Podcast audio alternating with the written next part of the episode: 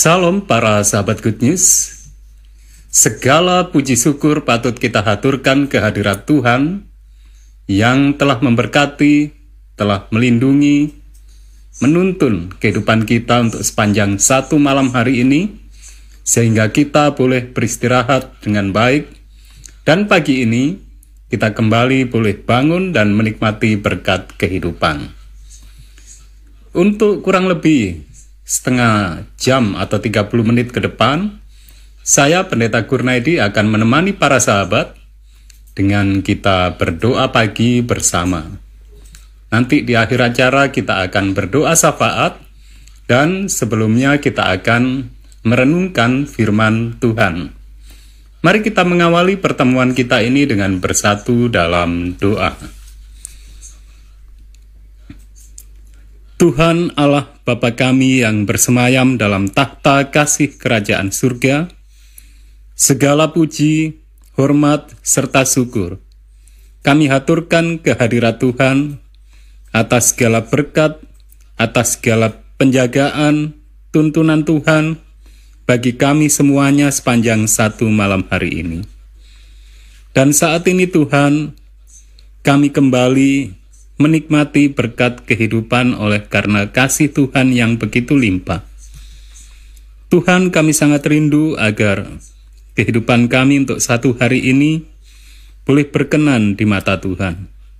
Untuk itu kami memohon kiranya Tuhan berkenan untuk berkarya bagi kami, menasihati kami ketika kami mempelajari atau merenungkan firman Tuhan di pagi ini. Juga Tuhan kami memohon kiranya Tuhan berkenan pula saat kami berdoa syafaat. Terima kasih Tuhan, kami yakin Tuhan telah menyempurnakan dan menjawab doa kami ini karena semuanya kami persembahkan di dalam nama Tuhan kami Yesus Kristus, penebus dan juru selamat kami. Amin. Untuk edisi hari ini, hari Kamis tanggal 11 Maret tahun 2021 Judul renungan kita adalah Corak Renungan yang Tertinggi. Adapun ayat inti kita diambil dari 1 Yohanes pasal 3 ayat yang pertama atau ayat 1. Demikian firman Tuhan. Lihatlah betapa besarnya kasih yang dikaruniakan Bapa kepada kita, sehingga kita disebut anak-anak Allah. Dan memang kita adalah anak-anak Allah, karena itu dunia tidak mengenal kita, sebab dunia tidak mengenal Dia.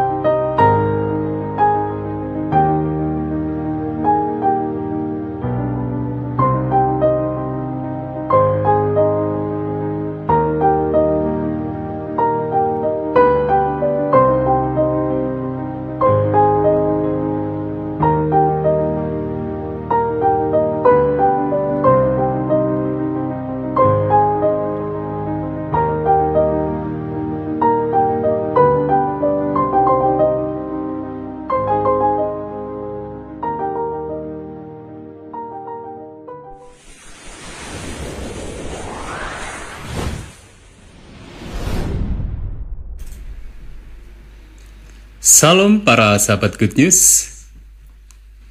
Pada pagi hari ini, saya Pendeta Kurnaidi di Good News Studio, studio rumah tangga dan kesehatan kita semua, kembali akan bersama-sama dengan para sahabat di doa pagi bersama. Dan tadi sudah saya sampaikan bahwa judul renungan kita untuk edisi hari ini, hari Kamis tanggal 11 Maret tahun 2021 adalah corak renungan yang tertinggi. Yang menjadi ayat inti adalah 1 Yohanes pasal 3 ayat 1 bagian A atau bagian awal. Saya ingin bacakan sekali lagi, demikian firman Tuhan. Lihatlah betapa besarnya kasih yang dikaruniakan Bapa kepada kita, sehingga kita disebut anak-anak Allah. Para sahabat yang sangat dikasih Tuhan, ini mengulang dari ayat inti yang beberapa hari yang lalu sudah pernah kita baca ya mirip dengan ayat inti kita pagi hari ini bahwa kita memiliki Allah yang maha kasih. Dan Allah yang maha kasih itu bukan sekedar kemudian melepaskan kita dari eh, perbudakan dosa. Tetapi Allah kita yang maha kasih ingin agar kita lebih dekat dengan dia. Dan kita disebut sebagai anak-anak Allah para sahabat yang sangat dikasih Tuhan. Apabila kita merenungkan sebagai manusia yang berdosa, kemudian sering kali kita ini uh, alpa atau hilaf, sehingga kita tidak menuruti kehendak Tuhan. Namun Tuhan yang begitu maha kasih, selalu melakukan, memberikan yang terbaik bagi kita. Dan itulah satu hal yang sangat sangat perlu untuk kita yakini di mana setan berusaha agar kita salah menafsirkan tentang Tuhan Allah kita itu. Tetapi ayat kita pagi hari ini kembali mengingatkan kita bahwa kita memiliki Allah yang begitu mengasihi kita. Sehingga ketika Allah yang mengasihi kita itu melakukan atau memberikan sesuatu kepada kita, dia selalu melakukan memberikan yang terbaik dan yang terindah adalah oleh kasih karunia melalui anaknya yang tunggal Yesus Kristus kita dilepaskan dari perbudakan dosa bahkan kemudian kita diangkat menjadi anak-anak Allah. Nah pagi hari ini kita akan merenungkan mengenai hal itu. Bagaimana Tuhan itu bisa kemudian mengangkat kita menjadi anak-anak Allah. Itulah sebabnya judul dari renungan kita pagi ini adalah corak renungan yang tertinggi. Mari kita menyimak apa yang dinasehatkan oleh Roh Nubuat pagi hari ini di buku Maranatha halaman 77 dan apa yang harus kita lakukan sehingga kehendak Tuhan yang begitu indah itu boleh terlaksana dalam kehidupan kita. Demikian saya akan bacakan. Sungguh kasih yang indah.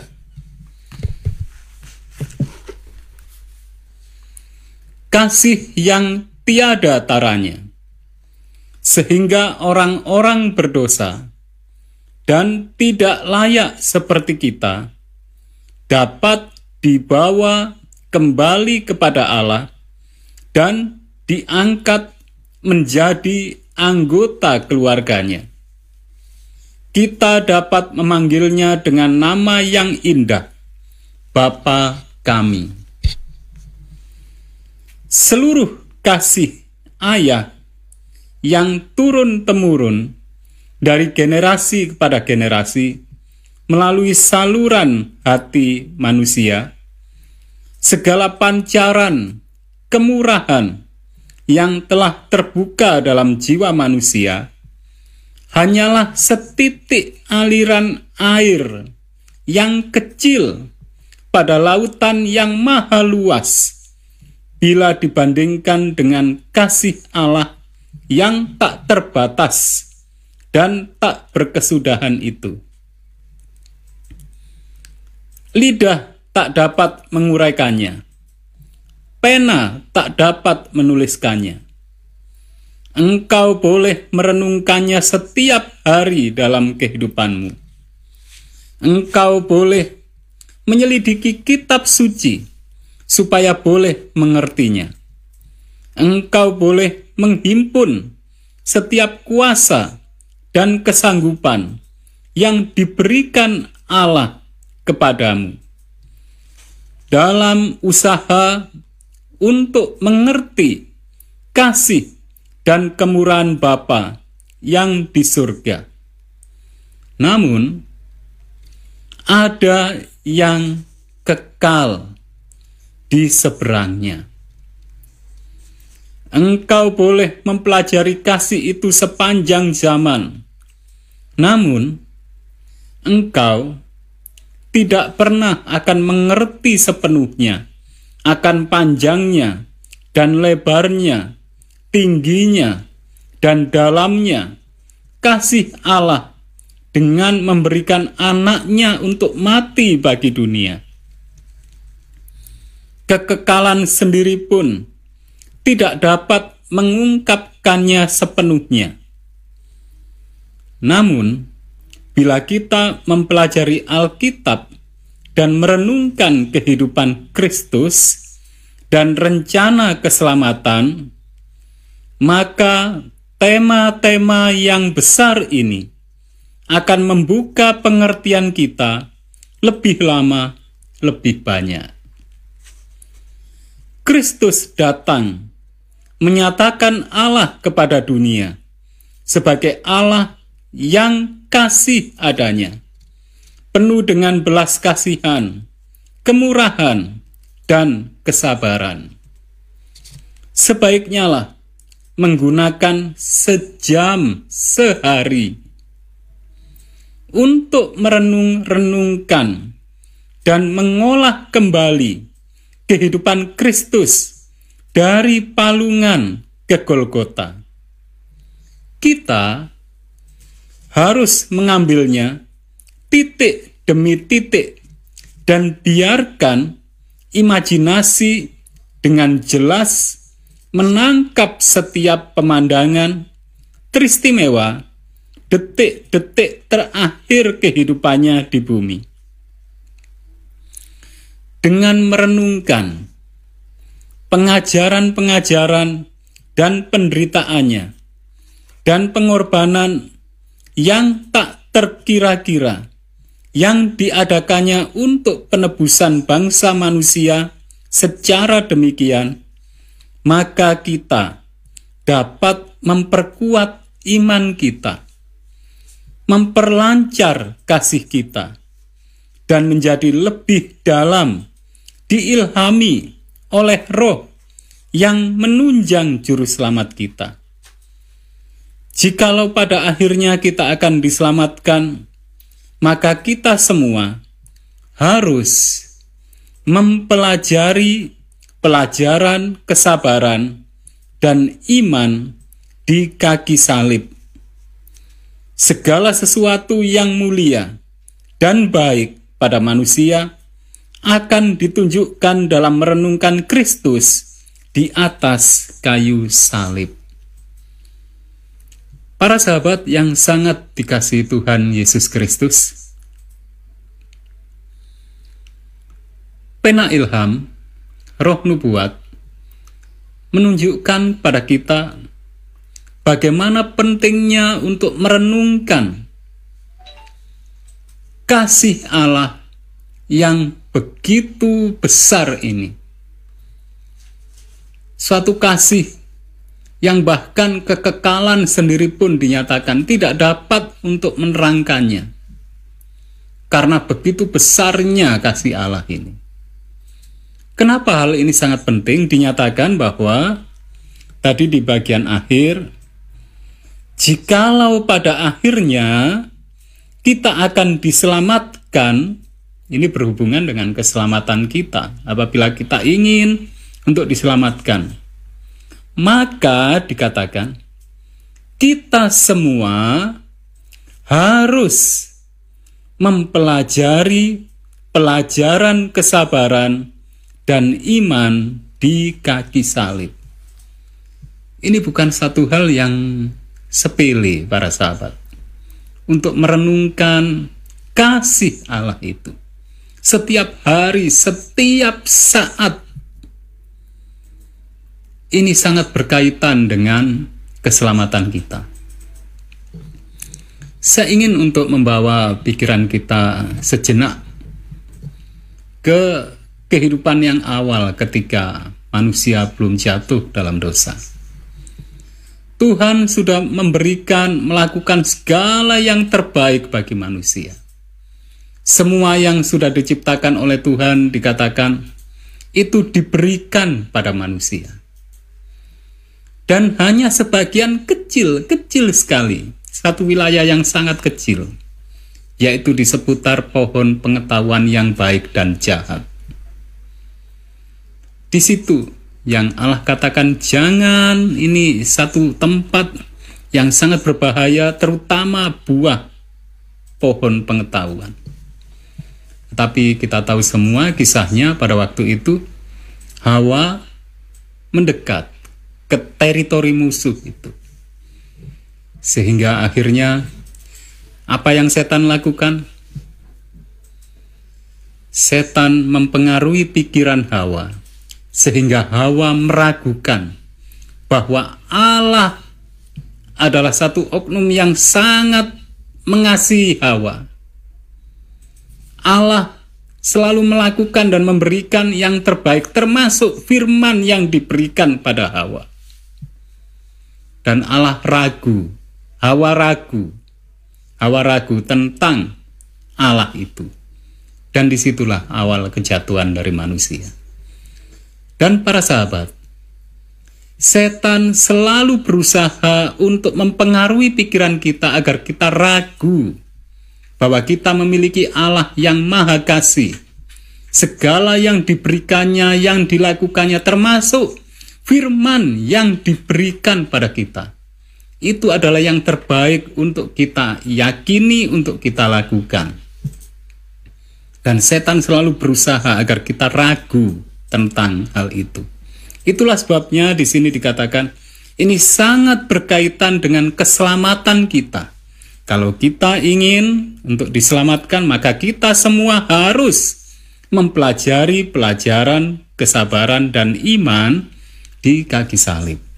Para sahabat yang sangat dikasih Tuhan, tadi dinyatakan bahwa apa yang harus kita lakukan yaitu sebaiknya lah menggunakan sejam sehari.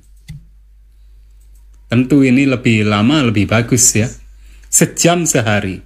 Untuk merenung-renungkan dan mengolah kembali kehidupan Kristus dari palungan ke Golgota.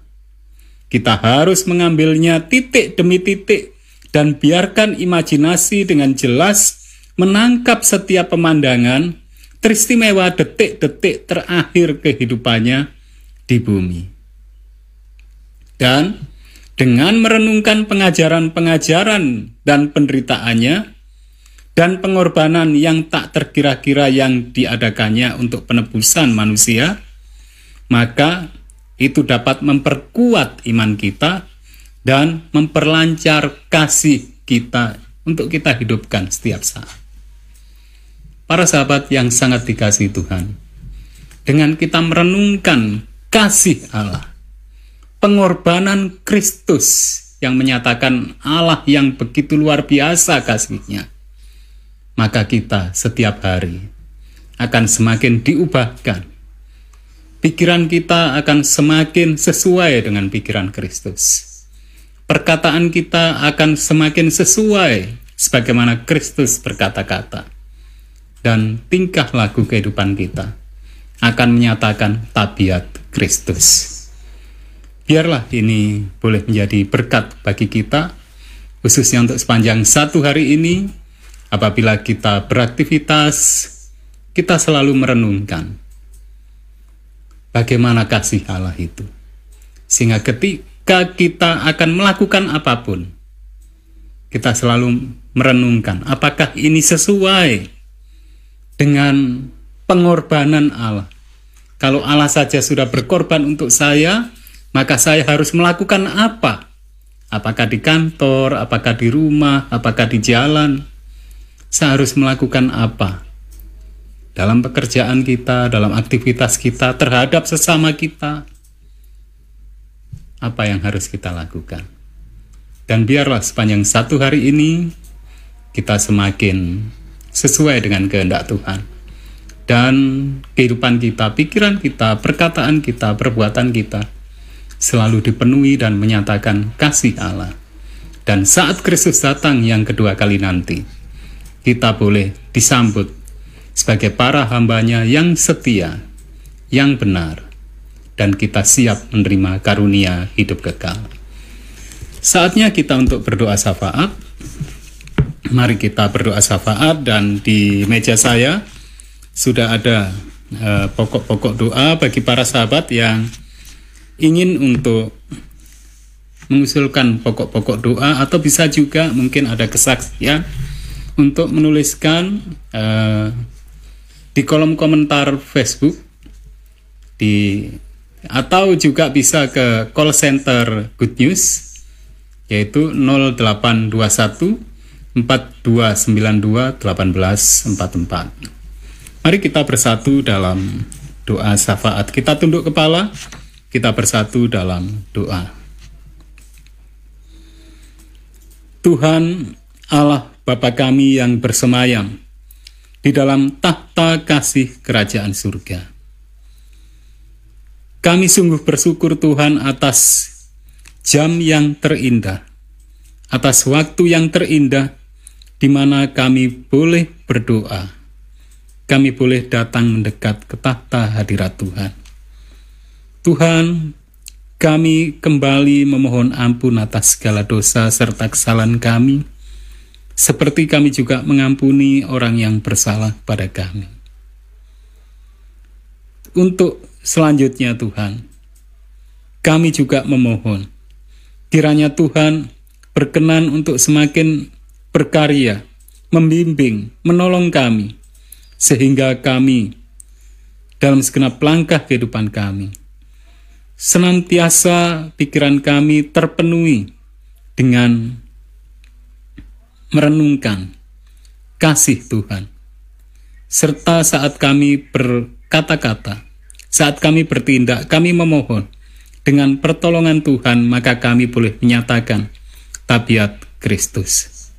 Tolong kami Tuhan agar kami dalam satu hari boleh untuk senantiasa menyediakan, menghususkan waktu kami,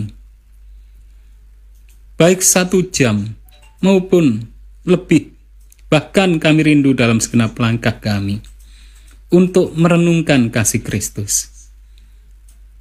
Kami sangat rindu Tuhan agar saat Tuhan datang yang kedua kali nanti, kami semuanya benar-benar Tuhan terima Tuhan sambut sebagai anak-anak Tuhan yang setia.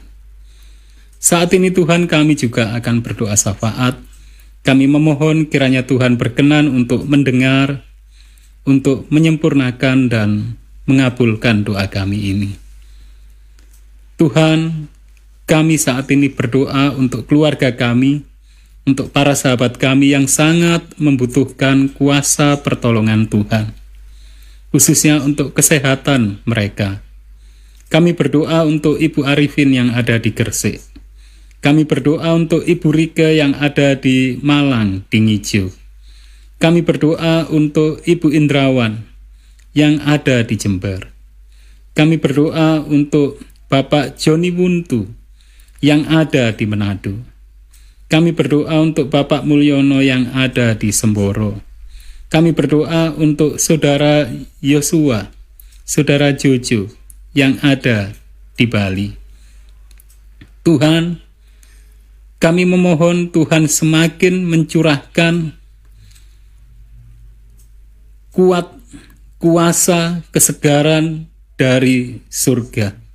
Tuhan semakin menjamah dengan kuasa Tuhan yang menyembuhkan. Sehingga semuanya segera sehat dan kembali beraktivitas dengan yang terbaik. Sehingga Tuhan semakin terpuji dan termuliakan. Demikian pula Tuhan saat ini perkenankan kami berdoa untuk para sahabat kami, untuk Bapak Eka Yordan Sembiring, untuk Ibu Hildegardis, untuk Bapak Wusamekto, untuk Bapak Adventogar, untuk Saudara Sadewo, untuk Bapak Sofyan Hadi, untuk Ibu Lindawati, untuk Bapak Samsumampau, untuk Ibu Prasetyo, untuk Ibu Shirley Octavia, bersama dengan Saudara David dan Saudara Jonathan, untuk Ibu Wiwi Partiwi, untuk Bapak Ishak Wairata, untuk Bapak Jimmy Wairata, untuk Ibu Windu Sulistiorini, untuk Ibu Lestari, untuk Saudari Yuliana, untuk Pendeta Muda Jarisman Pasar Ibu untuk Bapak Sujiono Suwarjo, untuk Ibu Eka Yuni, untuk Pendeta Yusak Subagianto, untuk Bapak Roger Wagyu, untuk Ibu Linda Sitompul, untuk Bapak Joel Joy. Demikian juga untuk Bapak Ronald Binsar, untuk Bapak Adelino, untuk Ibu Dwi, untuk Bapak Boy, sekeluarga, untuk Ibu Yuni Kristina, untuk Ibu Sari Yuliastuti, untuk Bapak Nugroho Yusak, untuk Bapak Bandu, untuk Pendeta Budi Solihin, untuk Ibu Made Depus, untuk Bapak Franky Robi Waluko, untuk Bapak Triswito, untuk Ibu Yuli Siswati, untuk Ibu Dia Stiorini, untuk Pendeta Arif Indrianto. Kiranya Tuhan memberkati dan semakin menuntun kami semuanya, khususnya sepanjang satu hari ini, bersama dengan keluarga kami semuanya di mana pun berada. Sehingga kami senantiasa sehat dan kami semuanya selamat dalam segenap langkah kami. Bahkan Tuhan berkenan mencurahkan berkat rezeki, sehingga kami boleh menjadi berkat bagi sesama kami dan semakin menjadi berkat untuk kemuliaan Tuhan. Tuhan, kami juga berdoa untuk para sahabat kami yang belum kami sebutkan, yang saat ini bersama dengan kami berdoa pagi. Tuhan, kami memohon kiranya Tuhan memberkati kami semuanya, menuntun dalam segenap langkah kami semua, sehingga kami boleh bertemu kembali pada kesempatan yang berikutnya dengan lebih penuh sukacita Tuhan.